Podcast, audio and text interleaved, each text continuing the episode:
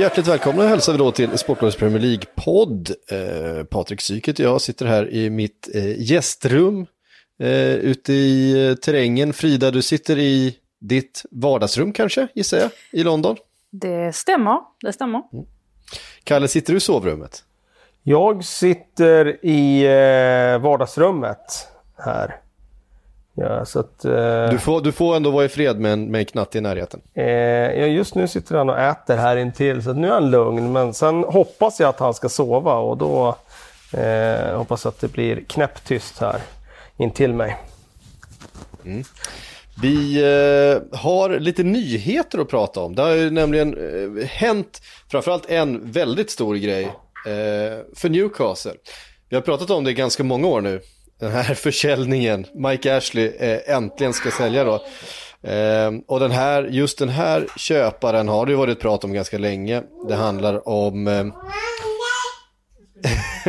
nu hör jag någon i bakgrunden som inte är lika nöjd längre. Ja, det, ja, det kommer inte härifrån. Nej, eh, han reagerade när jag sa Mike Ashley. Jag, jag tror pålägget på mackan stod slut här bredvid, det är därför. Men jag, jag, jag ska åtgärda det. Ja, det är bra. Eh, nej men det är ju eh, helt enkelt Saudiarabiens prins eh, Mohammed bin Salman eller eh, rättare sagt den saudiska investeringsfonden som är en eh, ganska stor summa pengar. Eh, en, en bra hög liksom. Och där, eh, som helt enkelt leds av Mohammed bin Salman, en av världens rikaste människor, eh, otroligt omdiskuterad, eh, kontroversiell, anklagades ju för, för mordet på den här brittiska journalisten i Turkiet eh, förra året. Har också blivit eh, anklagad för att ha eh, hackat Jeff Bezos, alltså Amazon-grundarens telefon och läckt hans otrohetsaffär som då resulterade i världens dyraste skilsmässa. Eh, en otroligt märklig figur den här, den här prin, eh, saudiske prinsen. Eh, som då eh, är head av eh, den här eh, investeringsfonden. Och hela det här övertagandet ska ju då ha letts av eh, Amanda Stevely, som vi också pratat om förut. Eh, samma kvinna som eh, har försökt köpa Newcastle med hjälp av, eh, eh jag tror att det var Abu Dhabi-pengar förra gången. Ehm, hon var också den som mäklade försäljningen av Manchester City. Ehm, när det köpet gjordes. Så att hon, eh, hon har bra kontakter i Mellanöstern får man säga. Ja, det har hon ju definitivt. Väldigt intressant eh, karaktär. Eh, hon beskrevs i en bok som är skriven av Brian Reed med orden She has the charm and cunning of an old colonial diplomat plus the brains of a double first nuclear physicist. Så jag menar det indikerar ju att hon eh, hon har både the brains and the looks uh, and the manner skulle man väl kunna säga. Uh, det hade varit intressant att käka middag med henne. Kan du inte försöka lösa en, en exklusiv med Amanda Stevely? Ja, det är säkert jätteenkelt att göra det. Uh, ja men det hade varit intressant uh, att träffa ja, för uppenbarligen så uh, har hon ju till och med kunnat övertala Mike Ashley. Alltså det, han var ju inte helt sugen där 2017 på på att sälja. Um, han kallade väl till och med det Water under the bridge. Alltså när, uh, um, eller hon sa det i alla fall. Uh, efter Han ska ha betett hade... sig rätt illa mot henne där vid, vid något tillfälle. Um, ja, som man förstod det. Hon ska ha stormat ut från en restaurang va? Ja, det var lite stökigt i alla fall. Så kan man summera det. Mike Ashley kanske inte är helt lätt att ha att göra med alla gånger. Det är bara en gissning, jag har aldrig träffat Karn, men det eh, finns vissa indikationer på att det, att det kan vara så. Det, jag har faktiskt kontraord där att jag, jag känner ju en som barndomsvän med eh, Alan Pardew eftersom han eh, har ju lite krokar till Sverige. Det har ju i och för sig inte med det Jo, jo det har med det att göra. Han är lite, Ja, precis. Som är från Västerås dessutom. Eh, och, eh, men då han som känner Alan Pardew, han hade ju träffat Mike Ashley då när han har varit där och hälsat på. Och han säger att han är störtskön. Eh, sen är det ju sådär att eh, ja, eh, han kan säkert vara störtskön ibland. Han har ju knappast varit störtskön som ägare för Newcastle. Det, det kan vi vara överens om. Nej, precis. Det, man ska passa sig för att kalla, kalla Mike Ashley för störtskön. Då får man eh, Fredrik Jönssons raseri eh, någonstans ifrån. Eh, Men är, är, är, inte det ganska genomgående egentligen för de flesta människor som kommer ganska långt i sina karriärer? Att de utåt sett kan vara väldigt charmiga. Eh, för det är ju en del av att faktiskt ta sig dit också. Man måste ju vara, man kan inte bara vara otrevlig. Alltså det, det funkar säkert för vissa men ofta så handlar det ju om kontakter och den typen av saker. Så det är väl inte helt överraskande att många som... Att han har en eh, social sida ja. också? Nej, men det, det, det, det är nog inte så överraskande. Um, nej, men, eh, uh, tillbaka till Amanda Stevlin då. Det är ju fascinerande att det är samma person som de här uh, personerna vänder sig till för att uh, förmedla de här försäljningarna. som en mäklare av miljardklubbar i England, kan man kalla henne. Sen vet jag inte, jag tror att det här köpet också involverar fler, eh, eh fler eh, eh, ägare, även om det är saudiska. Ja, bröderna, vad heter de, bröderna Rupert. Ruben. Ruben. Också Precis. Development killar, vad säger man ens? Man säger Fastighetsutvecklare. Ja. Ja, nej, men hon är, hon är... Ja, de ska äga 10 procent sägs det då. Och så ska den här investeringsfonden, eh, Saudiarabiska, eh, ska eh, kontrollera 80 procent då. Eh, ja, nej, men hon är, jag, kan, jag kan verkligen re rekommendera att läsa uh, upp sig på Amanda Stevely. Jag tror att hon kommer gå till historien som en, uh, en väldigt decisive figur eh, där det kommer till eh, fotboll och värld. Det har du ju redan gjort såklart eh, genom sitt eh, eh, engagemang i de här försäljningarna. Men ja, en person som går från eh, att vara modell till att vid 22 års ålder låna eh, 180 000 pund och bygga upp ett helt affärsimperium på egen hand. Det eh, till att eh, helt enkelt mäkla den här typen av affärer. Eh, det är ganska, det är, det är en eh, speciell figur. Ja, och hon går in med sina egna pengar också, måste man ju påpeka. Vi får alltså, nu låter det ju lite som att det, det är bara andras pengar hon använder. Det är ju Nej. hennes eget bolag går in med 10 hon, hon, har, hon har gått om det hon också.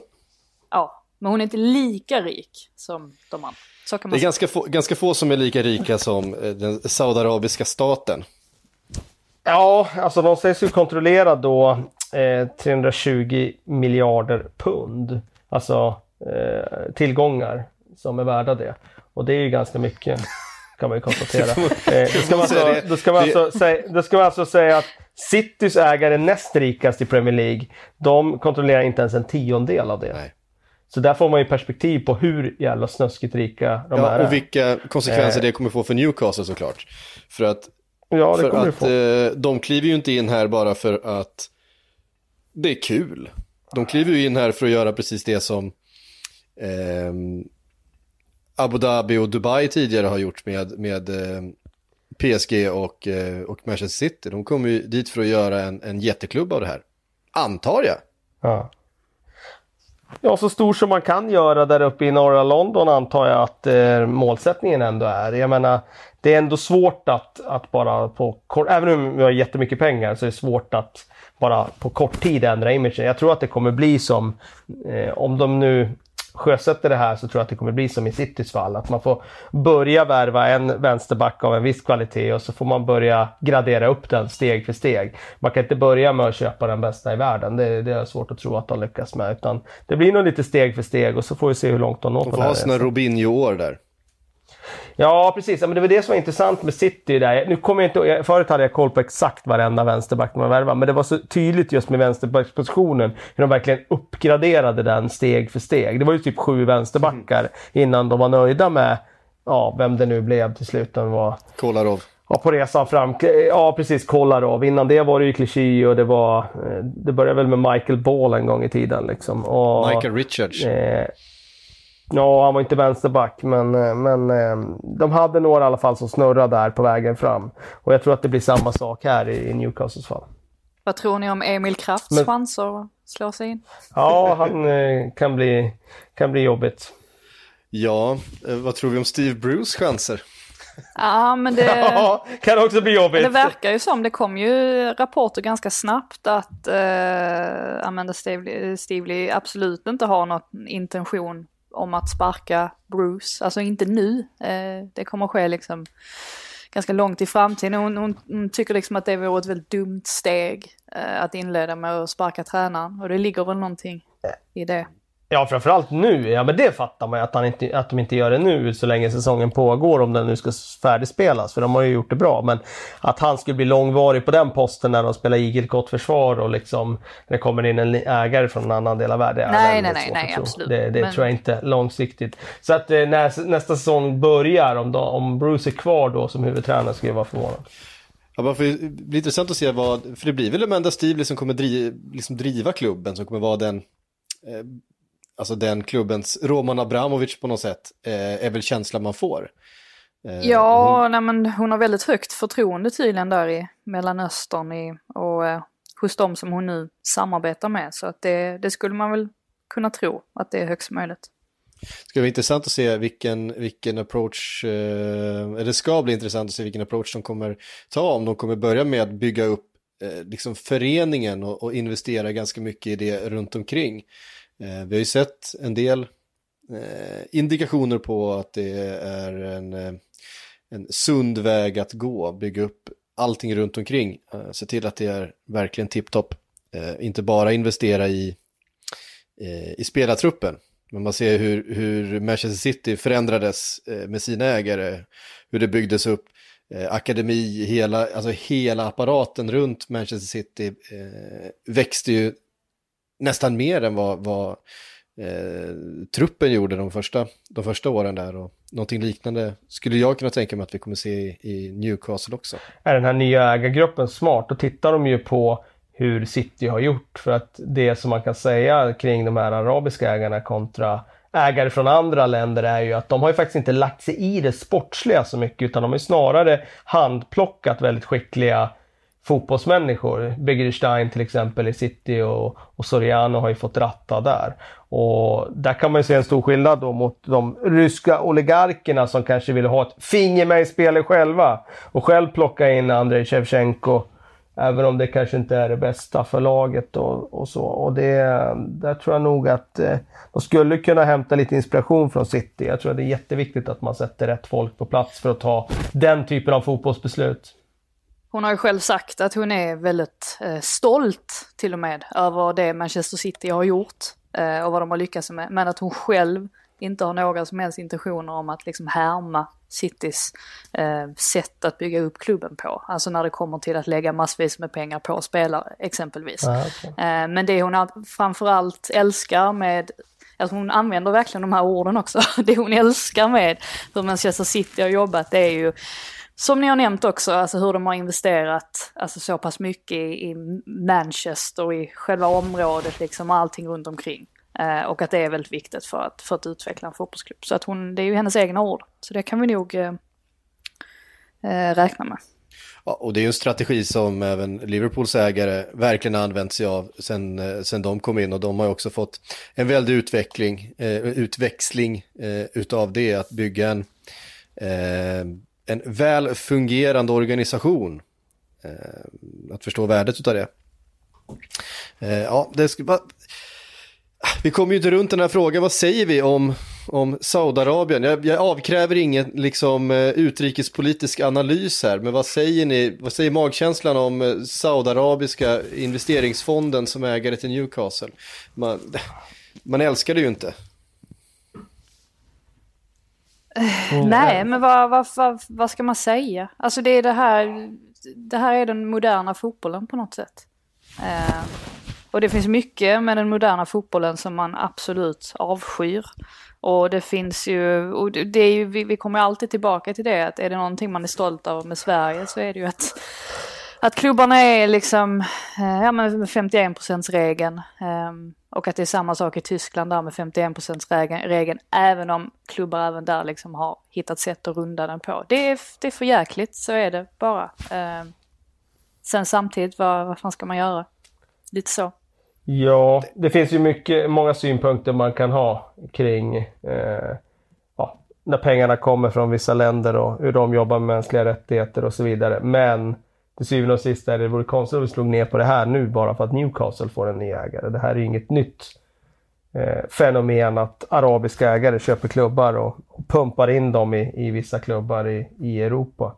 Så att eh, nu tycker jag nog att eh, vi ska konstatera att Newcastle kan andas lite optimism efter 13 år av vanstyre under Mike Ashley. Däremot så kan man ju säga att eh, alltså Storbritannien som liksom eh, tjatar om Brexit och de vill liksom inte vara med någonstans och sådär. Det är märkligt att de inte ser till att, nej men liksom att de, de aldrig har gjort något, några större försök att stoppa utländska ägare till exempel från att kliva in i fotbollsklubbar. Där går det bra. och, och släppa in folk. Det är också lite, jag kan tycka att det är lite hyckleri ändå eh, på någon nivå. Sen det är klart att det är många olika Insa, insa, alltså jag menar, det är ju Premier League som styr Premier League och FA har väl lite att säga till om men FA styrs ju inte av reger, på regeringsnivå och så vidare och så vidare. Men jag vet inte, det är lite, mm, det är lite skevt ändå. Kan jag tycka. Lite skevt är det och sen Sen finns det ju bra utländska ägare. Det måste man ju också såklart att det finns utländska ägare som kan vara bra. Men hade man till exempel haft någon form av regelverk som hade stoppat utländska ägare så hade man ju kommit runt det här problemet på ett sätt. Ja, men det precis. Men det som, det som, men det som, eh, det som skaver är ju hela sportswashing-grejen utav, utav eh, eh, länder, regimer, eh, politiker Eh, och det har ju inte bara varit Mellanöstern eller oligarker. Vi, jag menar, vi hade ju eh, den thailändska före dessa premiärministern som ägde Manchester City innan eh, eh Abu Dhabi eh, köpte den. Eh, som ju liksom var på landsflykt från Thailand för han hade liksom länsat statskassan och kunde inte åka tillbaka. Men ägde fortfarande Manchester City och, och Svennis var tränare. Taxin. Taxin ja. Shinawatra. Ja. Eh, och så vidare. Det har ju varit ganska många eh, tvivelaktiga figurer inne och eh, liksom försökt sig på det här med sport, sportswashing i alla fall.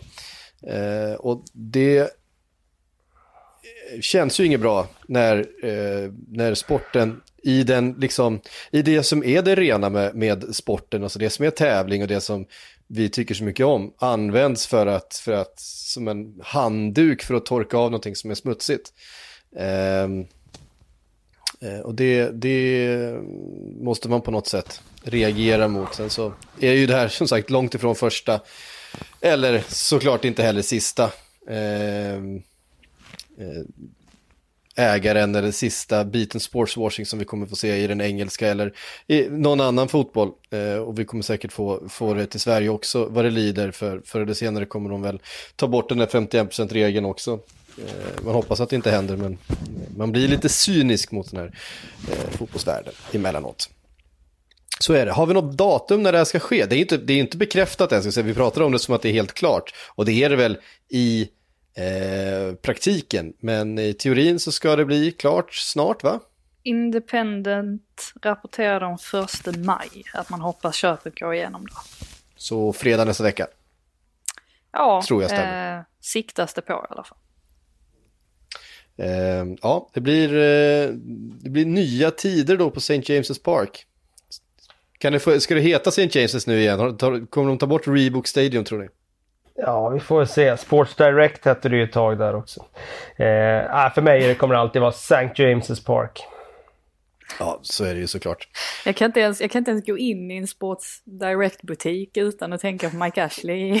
Jättehemskt. Ja, det blir väl en logisk följd när han gör som han gör. Ja. Ja, eh, det finns en liten del av mig också som kommer sakna Mike Ashley. Bara för att man är ju inte Newcastle-supporter själv och vi har ju haft mycket kul åt hans, eh, åt hans upptåg som, som neutral. Eh, har man kunnat eh, på något sätt ta sig för pannan. Eh, det blir lite svårare att göra när det är eh, någon med liksom obegränsade tillgångar som, som blir mer anonym. Ska, ska jag säga att jag har ingen som helst relation till Mike Ashley, alltså ingen som helst, inga som helst känslor. Så jag, jag delar inte din, eh, din äh, åsikt kring, äh, kring hans försvinnande. Nej, okej. Okay. Um, några andra nyheter då? Har vi fått någon mer känsla om fortsatt ligaspel, Frida? Eh, nej, det, det, är fortfarande juni det siktas på. Det är fortfarande spel inför tomma läktare och eh, det är fortfarande utvalda arenor som eh, är tanken i så fall. Eh, FA har föreslagit eh, att det ska spelas matcher på Wembley eh, och sådär. Eh, men i övrigt så är det ingenting nytt. Däremot så har det ju höjts några fler röster för att eh, avsluta ligan. Eh, Charltons manager Lee Bauer var ute och sa det bland annat nu i helgen. Så att eh, nej, in, inte ett nytt, eller vad, man, vad säger man? Nej, precis. Nej, inget än så länge. Eh, alla avvaktar väl vad, och se hur, hur kurvor och sånt ska peka innan man fattar några beslut. Det är fortfarande, det är fortfarande april. Eh, det finns tid kvar. Eh, till det som jag tänkte det här avsnittet i största del skulle handla om. Eh, vi pratar ju ofta om eh, en handfull spelare i den här podden, det som vi, de som vi tycker har eh, kanske gjort det allra bäst och de som eh, gör mycket mål eller de som utmärker sig på andra sätt. Jag tänkte att vi idag skulle lyfta upp de som kanske befinner sig där precis bakom. De som vi inte pratar lika mycket om men som ändå har gjort eh, hedervärda och eh, fina insatser den här säsongen men som har smugit lite under radarn. Eh, de brukar väl ibland kallas för unsung heroes eh, på något sätt. Och, eh, så det var, det var min tanke, att vi skulle ge dem eh, så här, när det inte spelas någon fotboll och det inte automatiskt blir de som gör mål varenda match eller de som eh, skäl rampljuset varje vecka så får vi väl passa på att lyfta några av dem som vi kanske inte har pratat om så mycket den här säsongen. Och det, eh, är, väl, det är ju den här säsongen som vi haft som jag tänker att vi ska grunda det hela på. Eh, jag bad er ta ut tre spelare var. Eh, så ni tycker ändå har, har eh, fått för lite uppmärksamhet för sin insatser den här säsongen. Eh, har ni gjort det, båda två? Har ni... Ja. Ja. Ja, men härligt. Vad glad jag blir. Så jag tänkte, Kalle, du får, du får börja med din första. Ja. Och sen så går vi liksom laget runt och så hinner vi tre varv, ja. förhoppningsvis. Jag börjar med Crystal Palace mittback Gary Cahill. Eh, var ju en spelare som hamnade lite i utanför elvan i Chelsea sista året där. Eh, plockades på free transfer till Crystal Palace och det kändes direkt som en väldigt bra värvning. Dels för att eh, de spelar ett annat typ av försvarsspel. Det ställs andra krav på eh, en mittback i Palace jämfört med i topplag.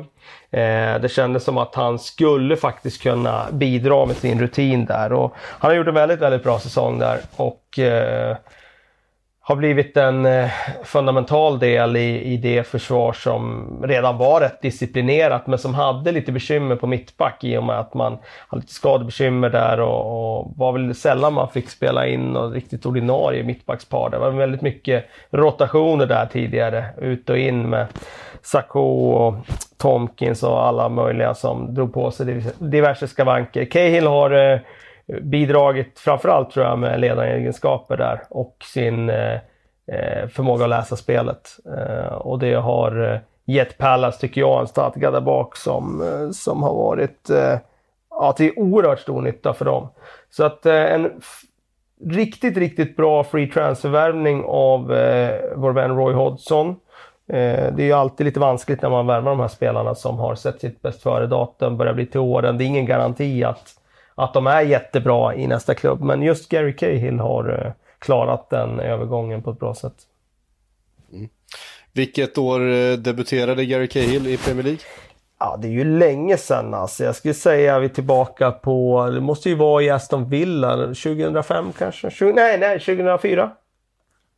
Han var med i truppen redan 2004 men han gjorde faktiskt sin första ligamatch 2005. Ja. Eh, 05-06. Fan, det är rätt länge sedan alltså. Ja. Aston Villa, ja. Men ändå precis. rätt bra gissat. Ja, det var det. Uh, verkligen. Jag kommer ihåg det. Han ändå... cyklade ju in och mål där när, tidigt i sin Villa-karriär. Där. Det var första gången jag lade märke till honom. Och sen var han ju fruktansvärt bra i Bolton. Så. Ja, precis. Han var ju uh, grym i Bolton. Um, och det var det som gjorde att han då köptes till, till Chelsea där han ju var en eh, superviktig kugge under jättemånga år. Såklart. Det var han verkligen. Uh, mitt... men visst var det Gary Cale som, när var det? Det måste ha varit säsongen, nej, det, säsongen 18, 19, 17, 18 eller 18, 19 när han drog på sig den här tacklingen i premiären typ. Visst gjorde han det? Och det var det som var anledningen egentligen till att han blev undanknuffad i Ja, det kan stämma i Chelsea. Hierarki. Ja, det kan Just stämma. Det. det stämmer. Jag har bara ett minne av en väldigt uh, usel tackling. Alltså en, alltså en riktig sån liksom idiottackling. Och sen några, var han liksom ja. borta från laget. Ja, han har några sådana på sitt samvete, det får man ändå ge honom. Mm. Eh, 85 ju, mm. så att eh, 34 år. Eh, vi var inne på det förra veckan ju, att det är ovanligt med, med tonåringar som gör eh, debut, men han var ju faktiskt bara 19 då när han började, började eh, när han debuterade för Villa. Han fyller år sent 2005, i eh, december. Eh, så så är det. Lång och imponerande karriär och kul att han har fått en, en liten, an, liten, ska man säga, tredje våg eller något sånt där i karriären eh, under Roy Hodgson i, i Crystal Palace. Eh, bra, eh, helt klart värt en shout. Frida, vilken är din första spelare som du vill plocka upp? Ja, kanske ska börja med eh, en spelare i Burnley. Eh, Eh, det är ju inte det laget som drar till sig mest eh, uppmärksamhet. Hela, eh, hela Burnley är ju ett sånt lag som har fått ja, för lite uppmärksamhet nu ska jag komma säsongen. till det här. Att eh, de har ett oförtjänt dåligt rykte egentligen. Alltså att visst, alltså det, är, det är inte många som gör kullerbytta av glädje när de ser att Burnley ska spela. Men det, jag tycker det är lite orättvist ändå. Det är lite för mycket så här att de har fått den här stämpeln på sig att, att bara vara ett sorts liksom, gjutet 4-4-2 och så är de jättetråkiga att titta på. Visst, ibland är det inte kul, men de, där, där finns ju vissa spelare som sticker ut. Och jag tycker att en av dem är Chris Wood, eh, som vi väl har pratat lite grann om ändå. Eh, för jag anser att han är en av de spelarna som man generellt pratar ganska lite om och kanske tycker är lite färglös sådär. Eh, och han är ju liksom inte bara en Fredrik Jensen Uh, tänkte jag säga. Det är nog första gången jag har jobbat in Fredrik Jensens namn i den här podden. Ja, det var sjukt faktiskt. Men, det, ja, det är sjukt att det aldrig har hänt tidigare. Uh, Chris nej, Wood är inte bara en Fredrik Jensen. Jag såg ja, inte han riktigt. Är mer än så. Han är mer än så. Jaha, oh fan, han spelar i Premier League ändå. Nej men, eh, Chris Wood, han har visserligen flest offsides i hela ligan. Och det, det, visar ju liksom att han ofta får instruktioner om att springa i djupled. Men ibland lyckas ju faktiskt de här löpningarna. Och han är ju också väldigt viktig för Burnley eftersom han ser till att rycka loss motståndarnas backlinje. Och dessutom har han gjort 11 mål, ligger på två över listan över anfallare som har skapat flest målchanser. Det, jag tror det bara är Jamie Vardy som har skapat fler. Um, och jag tror dessutom att det finns en hel del klubbar som hade haft nytta av en sån som honom. Um, alltså nu till exempel när Chelsea troligtvis kommer sälja Giroud i sommar. Uh, jag tycker att Chris Wood vore en jättebra ersättare uh, att ha då som antagligen som en sorts backup. Um, så att uh, ja, fler borde prata om Chris Wood. Mm. Ja, jag håller med, jag gillar, alltså det där är ju typ min typ av fotbollsspelare. Stor, stark, eh, ser ut liksom, det är ju inte bara för att han är från Nya Zeeland som han, eh, man misstänker att han har tränat ungefär lika mycket rugby som, som fotboll i eh, sin uppväxt.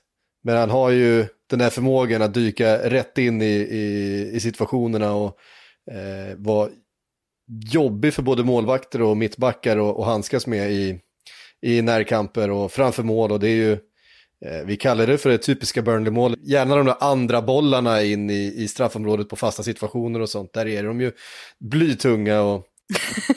ni, ni, håll, ni håller med mig om att han är... Ja, ja, verkligen. Ja, han har gjort elva mål. Det går inte att snacka bort eh, att han är en jäkligt nyttig anfallare. Och om man dessutom får mål av en sån anfallare som, som gör mycket jobb i det tysta så, så då är det ju extra bonus. Så att eh, det är definitivt en spelare att lyfta. Mm. Och jag menar helt eh, superviktig för det sättet som Sean Dyche vill spela fotboll på ju. Eh, utan, en, utan en Chris Wood där framme så kommer det ju inte bli samma resultat såklart. Eh. Flexibility is great. That's why there's yoga. Flexibility for your insurance coverage is great too. That's why there's United Healthcare Insurance Plans. Underwritten by Golden Rule Insurance Company, United Healthcare Insurance Plans offer flexible, budget friendly coverage for medical, vision, dental, and more. One of these plans may be right for you if you're, say, between jobs, coming off your parents' plan, turning a side hustle into a full hustle, or even missed open enrollment. Want more flexibility? Find out more about United Healthcare Insurance Plans at uh1.com. Ja, eh, min första spelare då. Eh, har jag valt Cesar Aspilicueta. Ha. Ja, och det vet jag Frida att du också hade Aspi på din, på din lista, så vi får väl ta den gemensamt då. Ja, men börjar du med din motivering? Ja, nej men det är väl just det, dels för att han har gjort en, en väldigt bra säsong tycker jag. Eh, varit otroligt stabil och Eh, inte minst en sån här säsong när det är så otroligt mycket ungt i Chelsea och det är en ny tränare eh, som visserligen inte är någon eh, något obekant ansikte i Chelsea, men eh, en förhållandevis orutinerad tränare, eh, väldigt mycket orutinerade spelare på planen, ett ganska nykomponerat lag trots att man har transferförbud, det är mycket liksom, spelare som återvänt och eh, då har han liksom funnits där som någon slags garant ju, Aspi, under den här eh, säsongen med all sin rutin och eh, all sin, sin kunskap och känsla för klubben och Eh, han har väl dessutom spelat ihop med Frank Lampard, det måste han ha gjort. Eh, det kan väl bara vara han som är kvar i klubben som, som spelade tillsammans med Frankie. Nej, William måste väl också ha gjort det? Eller? William gjorde det nog också, ja. Det är nog sant. Ja, men hur som helst, han är en av få eh, som är kvar som från den tiden. Ja. Eh, och Eh, han har gjort det väldigt bra. Jag tror att han har varit otroligt eh, nyttig för det här laget som ju gick väldigt starkt i höstas. Även om de har gått lite upp och ner, som, vilket är att, vänta, så har ju Chelsea ändå gjort en, en godkänd säsong så här långt och väldigt mycket av det är ju eh, tack vare Aspi. Sen så David Luiz gjorde det ju första vändan också, ska jag skjuta in. Första vändan i Chelsea. Spelar med ja, men David Luiz spelar inte i Chelsea. Nej, det gör han inte i och för sig. Det gör han inte Nej. längre. Han spelar i Arsenal. Ja, det är sant. um, um, och dessutom så var det väl han som fick uh, de övriga spelarna nu att gå ner i lön också. Uh, uh, läste ja. jag någonting om. Jag har inte full koll på detaljerna där. Jag bara såg att Aspi var någon... Eh, ja, han, han är ju lagpappa nu. Han har ju blivit det. Det är ju ofta han som har bindeln och eh, jag tycker han gör, sköter den rollen väldigt bra. Så därför, eh, det är ju såklart en spelare vi har pratat om jättemycket tidigare säsonger. Eh, men den här säsongen har vi pratat om så många andra i Chelsea. Eh, unga, nya spelare. Så det kan det vara värt att lyfta. Ja, alltså jag valde honom främst egentligen för att han, eh, alltså nu, nu beror det på alltså, vilken typ av information man själv eller personligen plockar upp. Men jag upplever det i alla fall som att han har blivit väldigt, väldigt kritiserad under hela säsongen. Och jag inser att eh, jag är en av dem som har kritiserat honom väldigt mycket. Eh, och det baserar man ju främst på att han inte är, eh, möjligtvis inte är lika snabb som han var tidigare, kanske överlag inte riktigt lika bra som han var tidigare. Men precis som du har tagit upp så gör han ju fortfarande grejer som är oerhört viktiga för Chelsea. Det finns ju en anledning till att han får så mycket speltid av Lampard. Dessutom så har han gjort, alltså han har ju klivit fram eh, i väldigt viktiga lägen också i matcher. Alltså nu har, alltså jag tror nästan att han måste ha fått två väldigt viktiga mål bortdömda av VAR. Om jag inte är helt snett på det. Eh, men förutom det har han, har han gjort viktiga mål mot, ja men som exempelvis mot Ajax i 4-4 mötet. Alltså det är han som kliver fram så att eh, jag tycker att han gör, han gör väldigt mycket som han inte får speciellt mycket cred för eh, eftersom att han har blivit lite, lite sämre än vad han var tidigare. Eh, men jag håller med, jag tror att den dagen han försvinner så kommer man nog märka det desto mer. Det brukar oftast vara så med dem, eh, alltså ledarna, att man, det var lite, lite samma sak med kompani kanske, att man, man underskattade vilken, vilken ledarfigur han var i omklädningsrummet. Jag tror att Aspiliketa är, är lite samma, samma typ av eh, person där för Chelsea. Mm. Jag kommer ihåg det när Mourinho gjorde sin andra vända i Chelsea eh, så brukade han väl lyfta Aspi som, hade jag bara haft eh, tio Aspi på planen så hade jag vunnit alla matcher. Eh, han var oerhört förtjust i, i hur, men såklart hur, hur, hur taktiskt eh, skicklig han är och arbetet han la ner eh, hela tiden. Och det är klart att han är inte lika bra som han var då, när han kanske var, när han var en av ligans absolut bästa ytterbackar. Eh, men jag tycker ändå han har gjort en bättre säsong den här säsongen än eh, om vi går tillbaka en eller två säsonger. Eh, där jag tyckte han såg väldigt trög ut om man funderade på om han var på väg bort. Eller kanske inte skulle hålla så mycket längre till i, Chelsea. Men det tycker jag verkligen att han har gjort den här säsongen. Så att, väl, värt, väl värd att nämna i det här, i det här juniorlaget Chelsea och ta fram åldermannen. Ja, eh, Kalle, vilken är din nästa gubbe på listan? Ja, men jag tänkte ta två spelare, de två sista spelarna, men jag börjar med det här nu då.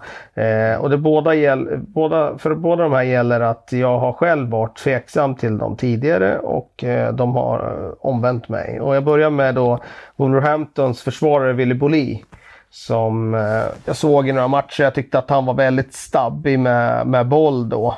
Och det kanske var bara att de kom upp och de var lite, eh, ja, lite förvånade över hur snabbt det gick i Premier League och man var inte kanske riktigt trygg med när motståndaren satte press på en och man försökte göra saker svårare än vad man egentligen borde ha gjort. Eh, då tyckte jag inte hans fötter höll alls. Men han har ju faktiskt varit oerhört bra defensivt i den här trebackslinjen och eh, har förbättrat sitt spel med boll också. Och jag tror det handlar mer om att han eh, ja, vande sig vid tempot, växte in i, i kostymen lite mer. Att, hade, att han har defensiva egenskaper, det kunde ju alla se förut. Eh, men eh, han har varit en komplett spelare tycker jag den här säsongen och en av Wolverhamptons bättre. Så att, eh, eh, han har nog fått lite för lite credit. Tidigare definitivt av mig, men även av den stora massan. Jag minns att du, du brukade plocka fram storsågen när vi pratade Willy Bolli. När han eh, hans, hans uppspel, ja. Men det var just den detaljen jag pratade om då, inte rent i stort Jul, så. Men, men, julgransfoten. Ja, precis. Men, eh, men jag tycker att han har förbättrat den delen också. Han kanske inte sätter sig i så svåra situationer längre. Mm. Ja, det var intressant. Det var också en spelare jag, jag sneglade lite på när eh, man skulle göra den här eh, listan. Eh, Frida, har du någon, eh, någon ytterligare? Nu snodde jag ju Aspelekueta från dig. Så... Ja, förjäkligt. Eh, ja. ja, men eh, jag har tänkt ganska mycket på Emmy Bundia också. Eh, vi har ju pratat om honom lite grann, men jag tror ändå att eh, man kanske inte Eh, anser att han är så bra som han möjligtvis är. Um, om man först tittar på lite siffror så har han ju sju assist, vilket är omkring 30% av Norwich mål den här säsongen. Uh, och för att sätta det i en mer begriplig kontext så är det bara Mares, Alexander Arnold och De Bruyne som har gjort fler. Och han ligger även fyra på listan vad gäller flest skapade målchanser eh, överlag, alltså oavsett position, på 73 stycken. Eh, och det är bakom samma gäng plus Madison eh, istället för Mares då. Ehm, och han har väl inte hyllats eller lyfts överdrivet mycket trots detta. Det är, det är snarare tvärtom egentligen. För utifrån så verkar ju Farke vara en av dem som kanske inte underskattar Bundia men som kräver mycket mer av honom än det vi har sett. Ehm, och självklart måste man ju anta att han ser grejer som inte vi andra ser men det var ändå lite förvånande när han motiverade sitt beslut att droppa Buendia från en startelva i februari med att han statistiskt inte var tillräckligt bra på andra områden och då syftade han ju på antalet mål då eh, och tyckte dessutom att Buendia tappar bollen alldeles för ofta. Eh, och det må väl så vara men jag tror att om Buendia hade spelat i ett lag som inte ligger i botten av tabellen så hade nog hans egenskaper kommit bättre eller mer väl till pass. Um, och vi kan väl anta att det som kommer hända nu nästa säsong är att han rör på sig. Uh, och jag lär i alla fall vara väldigt nyfiken på att se hur, hur han kommer se ut då för jag tror att hans, hans uh, siffror kommer nog uh, bli betydligt bättre i så fall. Ja, ja nej men eh, definitivt en spelare som har vi har pratat lite för lite om, det håller jag med om. Det var ju också eh, ganska typiskt det där när, när först Teemu Pukki stjäl alla rubriker i början på säsongen och sen, eh, ja, sen slutade det ju gå bra för, för Norwich och då, då pratade man ju mest om det. Eh, jag, tycker, vi, jag vet att vi pratade där efter Teemu Pukkis första supersuccé där första omgången. Jag vet att vi pratade om Cantwell och Buendia rätt tidigt i podden. Redan omgång två och tre där. Jag vet vi var imponerade av dem. För jag tyckte att Norwich Absolut. var ju väldigt spännande de första matcherna. Spelmässigt var de ju riktigt, riktigt bra faktiskt. Så att jag vet att vi nämnde det, men sen har vi inte pratat så mycket om dem. Och jag håller med om att det är en spelare som, som eh, har varit riktigt bra spelmässigt och som kommer kosta väldigt mycket. Det snackas ju faktiskt om eh, prislappar på uppåt 300-350 miljoner för Buendia. Och det, det säger väl en del om hur pass bra han har varit och hur pass mycket potential man ser i honom. Mm. Eh, verkligen. Ytterligare ett eh, eh, fynd där får man ju säga av sportchefen där, Webber, som är duktig. Som är duktig. Mm. Eh, superfynd. Eh, min nästa gubbe då. Eh, ah, det är ju en spelare som vi har nämnt och pratat om så jäkla många gånger, men som jag tycker ändå har fått för lite uppmärksamhet den här säsongen. Det är Kasper Schmeichel. Jag nämnde honom redan i förra, förra podden. Har han börjat segla upp och närma sig Jonjo och Lee Cattermole och Nej, det gör Steve. Sidwell? Nej, det, det, går, det går inte. Det går inte med en pappa som Manchester United-ikon. Eh, nej, men jag, jag... Alltså, dels så gillar jag ju Leicester den här säsongen.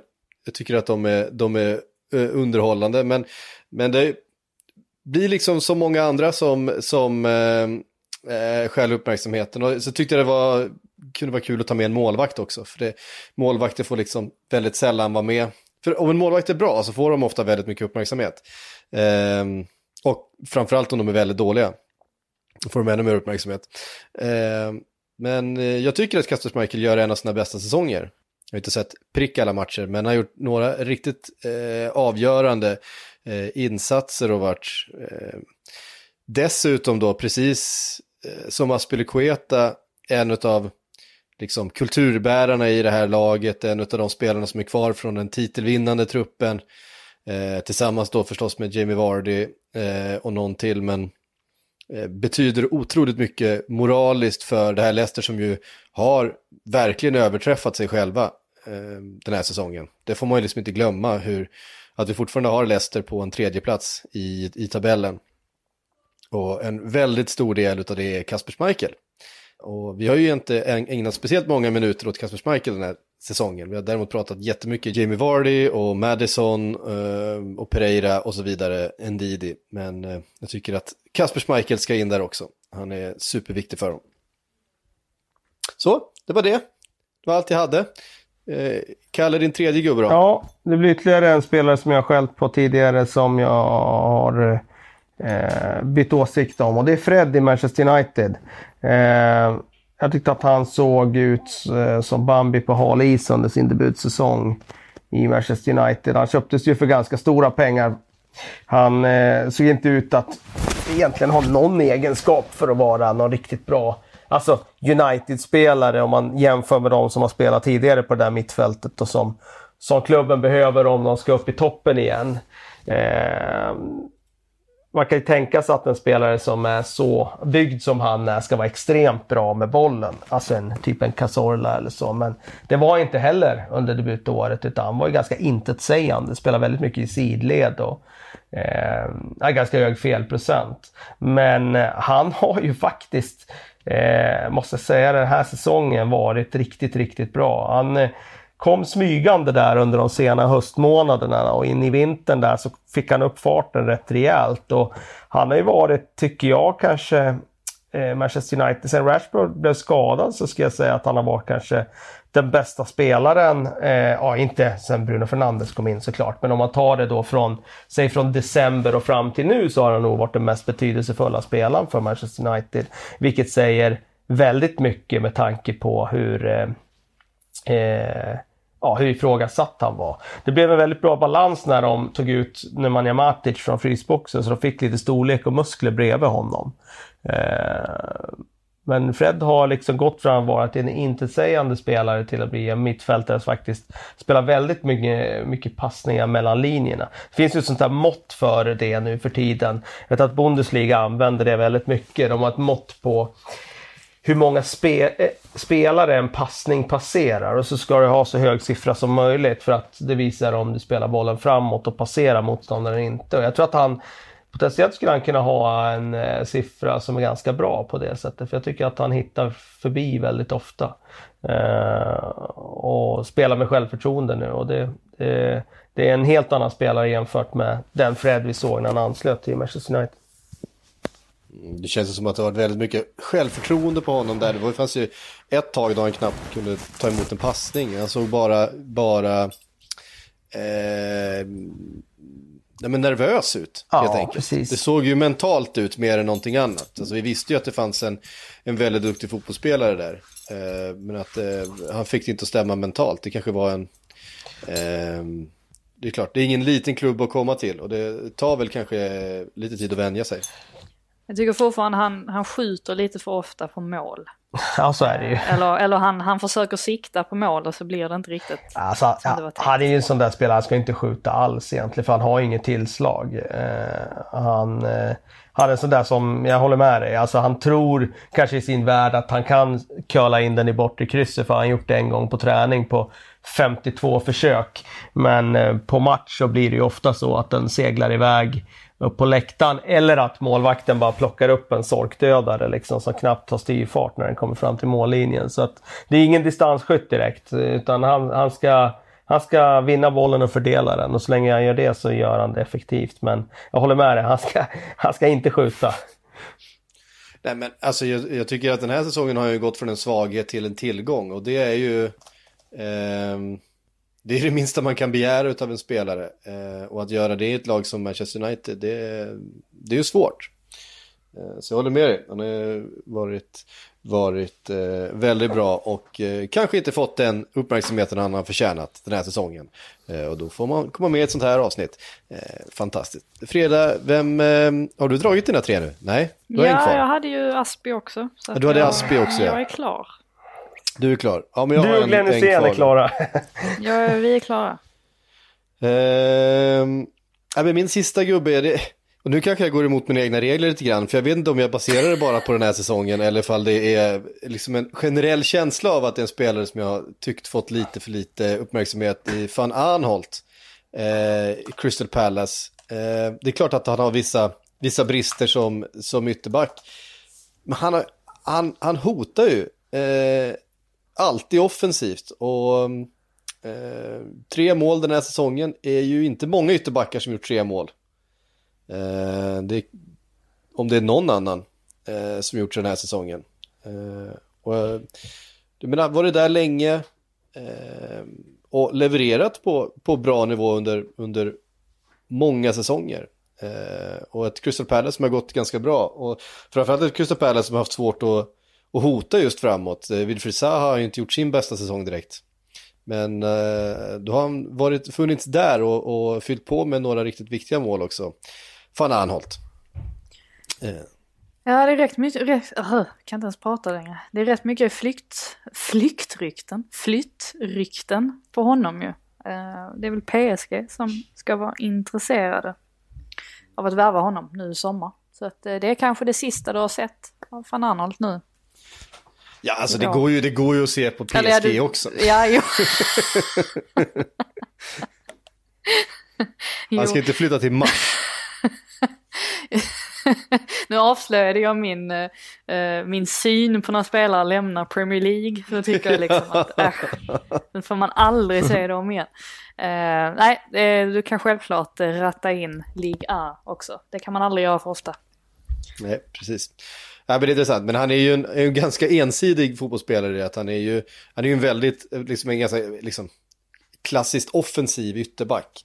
Överlappar, eh, går i djupet, eh, mycket tempo, bra tillslag ju med vänster såklart, både på eh, inspelet men kanske framförallt avsluten. Eh, har väl haft ett par bollar i stolpen och sådär också, eh, som jag kan åminna mig från den här säsongen. Eh, gillar du fan Arnold, Kalle?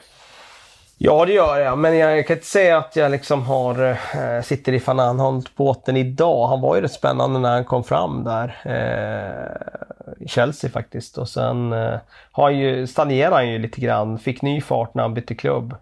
jag tycker han har varit bra i Palace, absolut.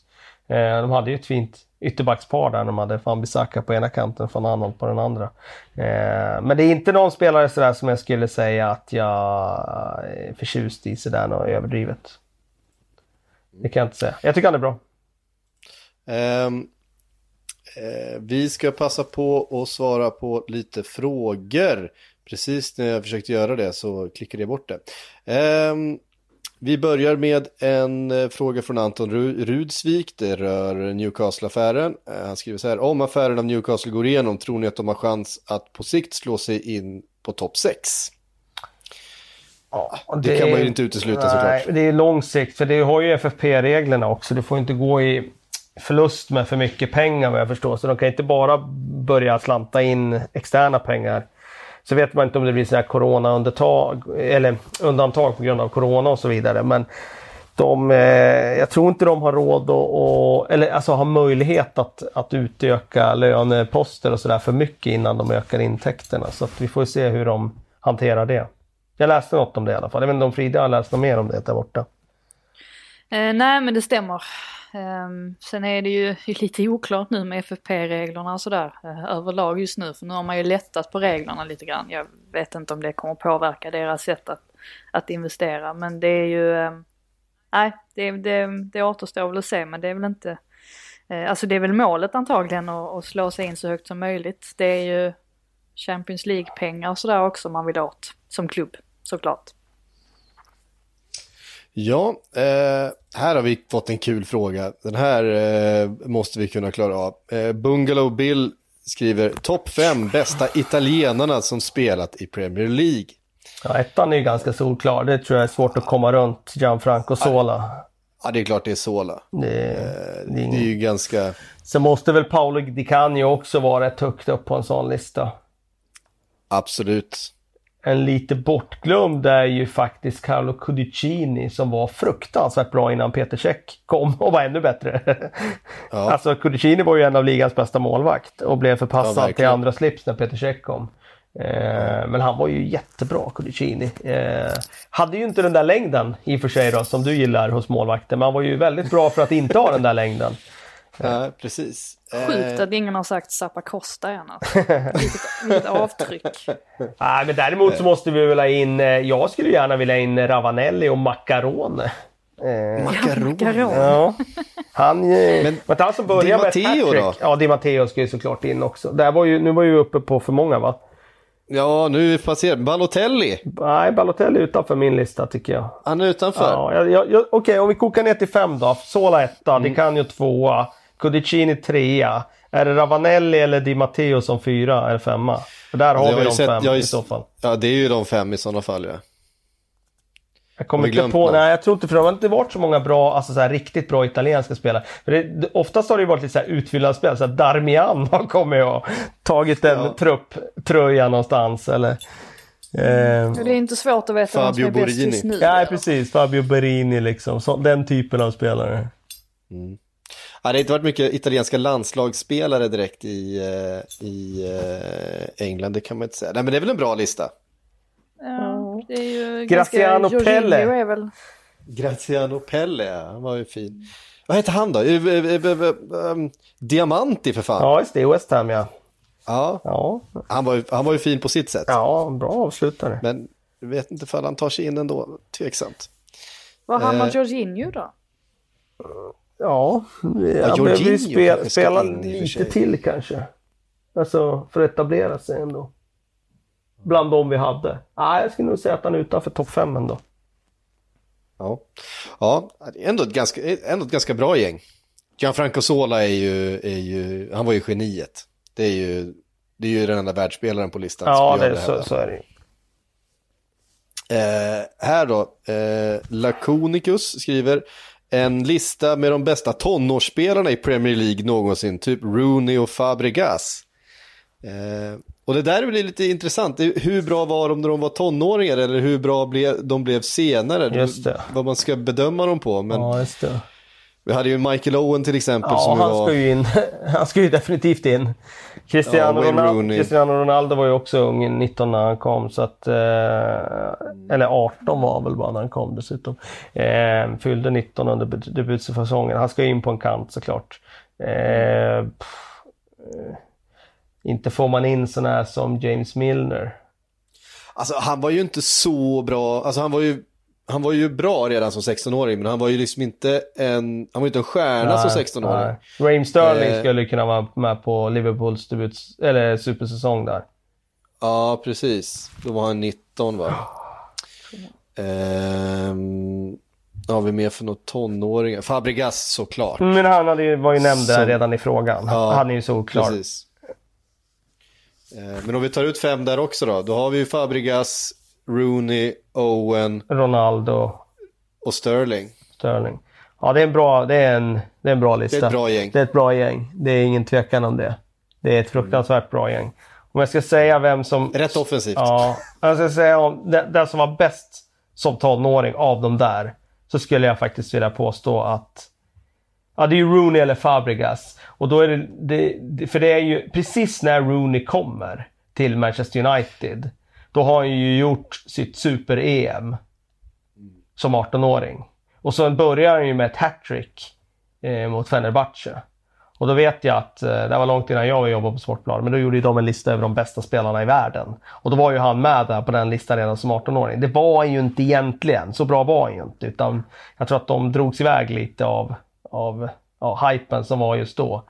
Men jag skulle nog säga att Fabregas kanske var den bästa, för han var ju var 17 år, var ordinarie på Arsenals mittfält och var ju så fruktansvärt bra då så han var en av ligans bästa mittfältare. Eh, och då var han bara 17. Men det är klart, när Rooney var 19 så var ju han rätt bra. Jag läste Rooneys, eh, han skriver en kolumn i eh, Sunday Times eh, varje vecka. Eh, Kan vi, kan vi, kan vi, kan vi gissa, giss, giss, gissa på spökskrivare där eller? Det, det, kan ju vara lite samma som i Glenn Hussein-fallet, att man har en spökskrivare. Kan, kan vara så ja. Kommer ni ihåg när Glenn Husseins spökskrivare glömde bort två av hans barnbarn? Så att han hade skrivit i en text att ja, men det var fel siffra på hur många barnbarn han hade. Någonting sånt. Och det var ju för att det var en spökskrivare som skrev som såklart hade blandat ihop siffrorna. Men det såg ju ganska galet ut eftersom man tror att det är Glenn Hussein som skriver. Jaja, nog om det. Men Rooney i sin kolumn, han eh, eh, erkände i alla fall att han inte är någon, eh, hur sa han, eh, naturlig avslutare. Att han har fått lite för mycket cred. Eh, för att och folk eh, liksom påstår att han är en klinisk avslutare och han menar att han in, absolut inte är det.